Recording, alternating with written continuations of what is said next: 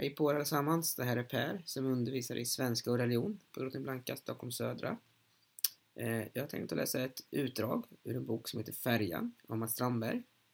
Eh, det är en skräckroman. Det var en bok som jag läste eh, förra sommaren och det var en sån där bok som jag verkligen fastnade för. Och jag tänkte läsa ett utdrag, ett kapitel ur den. Och om ni vill läsa mer så går den här boken också att hitta i vårt skolbibliotek. Thomas står i den skarpt upplysta korridoren och tittar in i dunklet innanför den öppna hyttdörren. Det luktar underligt där inne. Mentol och syrener och något unket. Ruttet. En grupp killar tränger sig förbi bakom honom i korridoren. Vad är det som har hänt? säger Thomas tveksamt och tar ett steg in i hytten. Jag är rädd, säger barnet igen och snyftar. Jag är sjuk och mamma skulle hämta mat till mig. Men hon har varit borta jättelänge nu. Rösten påminner återigen Thomas om gamla tecknade filmer. Mörkret omsluter honom när han stänger dörren efter sig. Lukterna blir starkare. Måste vara något fel på avloppet här. Toalettdörren står på glänt alldeles till vänster om honom. Men lukten kommer inte därifrån, inser han när han går förbi den. Bara den ena sänglampan är tänd. Den är riktad inåt, bort från rummet. Ljuskäglan stretar upp för halva väggen, når nästan taket. Barnet ligger på andra sidan av dubbelsängen med ryggen vänd mot Thomas. En liten ryggsäck står på skrivbordet vid sängens fotända.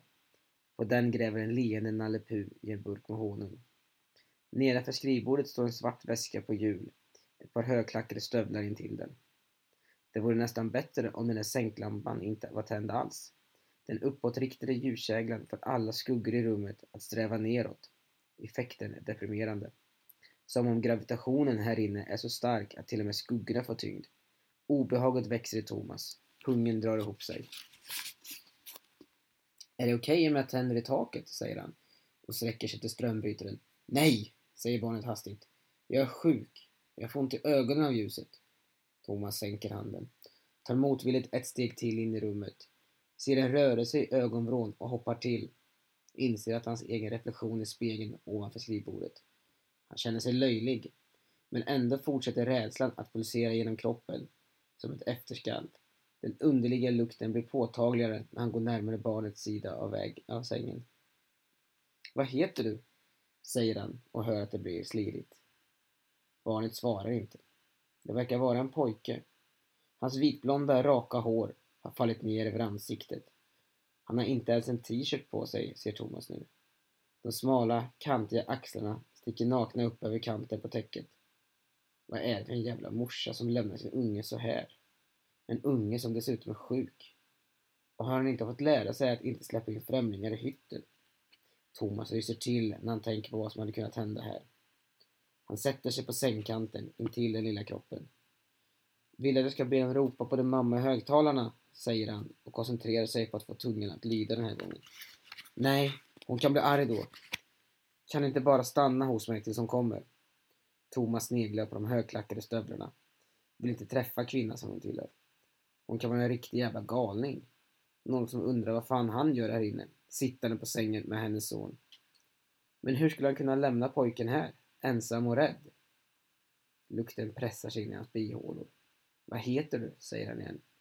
Jag tänker inte säga det om du tänker få dem att ropa det i högtalarna. Mamma skulle bli arg. Hon blir alltid så arg. Thomas sträcker fram handen mot pojkes, pojkens axel. Huden är kall. På något sätt gummiartad under Thomas fingertoppar. Han undrar om pojken är smittsam och måste motstå en impuls att rycka åt sig handen. Jag tror ändå att det vore det bästa, säger Thomas. Jag är säker på att hon inte blir arg. Jag kan vänta här med dig tills... Du får inte gå, säger pojken.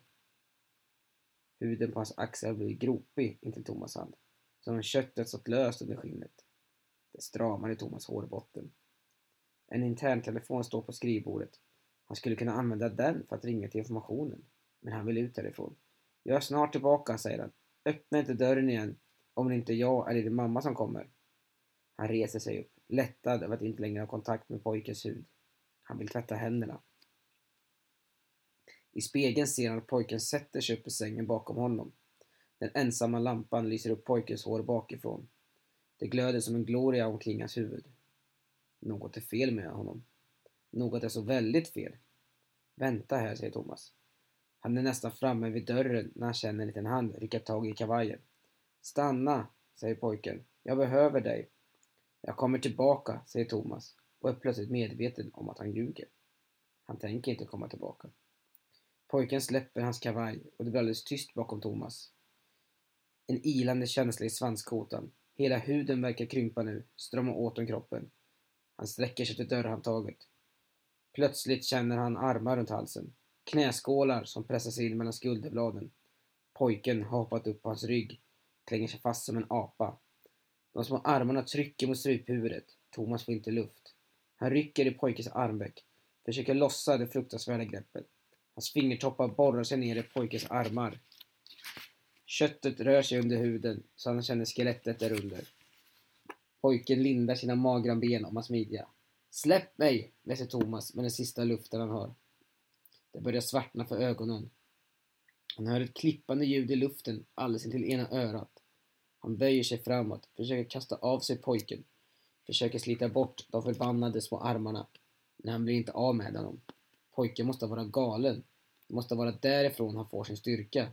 Och det Verker, verker, verker i halsen. Det känns som huvudet ska explodera. Och vad är det där klippande jävla ljudet? Som, som av en stor sax? En jävla sekatör?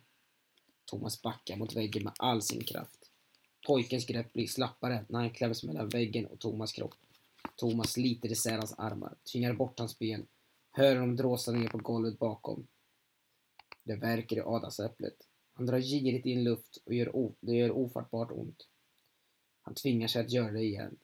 Det svarta molnet i synfältet börjar tunnas ut. Snabba små steg och pojken står plötsligt mellan honom och hyttdörren.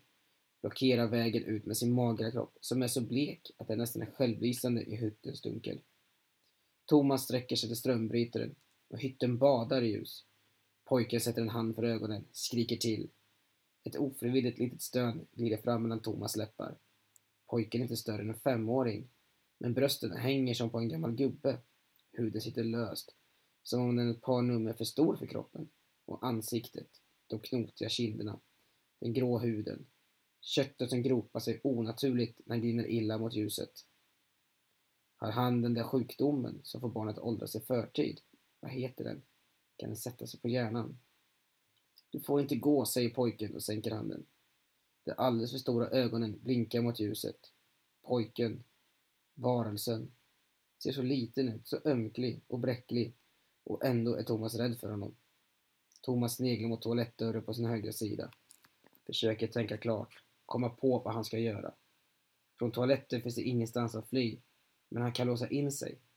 Mobil, mobilmottagningen måste väl komma tillbaka förr eller senare. Han kan banka på väggarna. Någon som går förbi utanför ytter kommer att höra honom. Pojkens mamma kanske kommer till slut. Vad har egentligen hänt med henne? Han får plötsligt för sig att kvinnan som stövlarna tillhör är där inne, har väntat där hela tiden medan pojken spelar sin roll i hennes sjuka lek. Thomas sträcker ut en hand och knuffar upp toalettdörren. Ljuset faller in över samma persikofärgade plastmatta som i badrummet i hans hytt och Pios hytt. Samma vita dusch, duschdraperi. Det är halvt fördraget, men han kan se att ingen står där. Han kastar sig mot badrummet, men pojken hinner före. Små händer om skjortkragen. Benen lindas om hans midja igen. Framifrån den här gången. Det fruktansvärda ansiktet är så nära hans nu. En sur och rutten stank ur den lilla munnen. Thomas backar tillbaka in i rummet, snubblar, faller ner på golvet med ryggen före. Hans huvud har missat sängkanten med bara en hårspån. Pojken sätter sig gränsle över hans mage, pressar ner hans armar mot golvet, lutar sig fram. Det kluckar om ölflaskan i Thomas innerficka, vått och ljummet i armhålan. Han märker det knappt. Synapserna i hjärnan sprakar, skickar vidare information om det han ser. Varje liten detalj är så kristallklar. Det är som om tiden har stannat. Pojkens ögon gnistrar som blå eldar. Men den tunna huden som kantar dem är slapp och livlös. Han öppnar munnen och drar tillbaka de fnasiga spruckna läpparna. Visar gulande, gulnade tänder och tandkött som är grått med mörkare fläckar. Vad är det för fel på honom? Vad kan göra något sådant här med ett barn? Kan det vara rabies? Nej, det är en helt idiotisk tanke. Är det inte? Pojkens tunga glider fram som en grå, fet snigel mellan tänderna. Hans mun kommer närmare. Det här händer inte. Det händer inte. Det händer inte.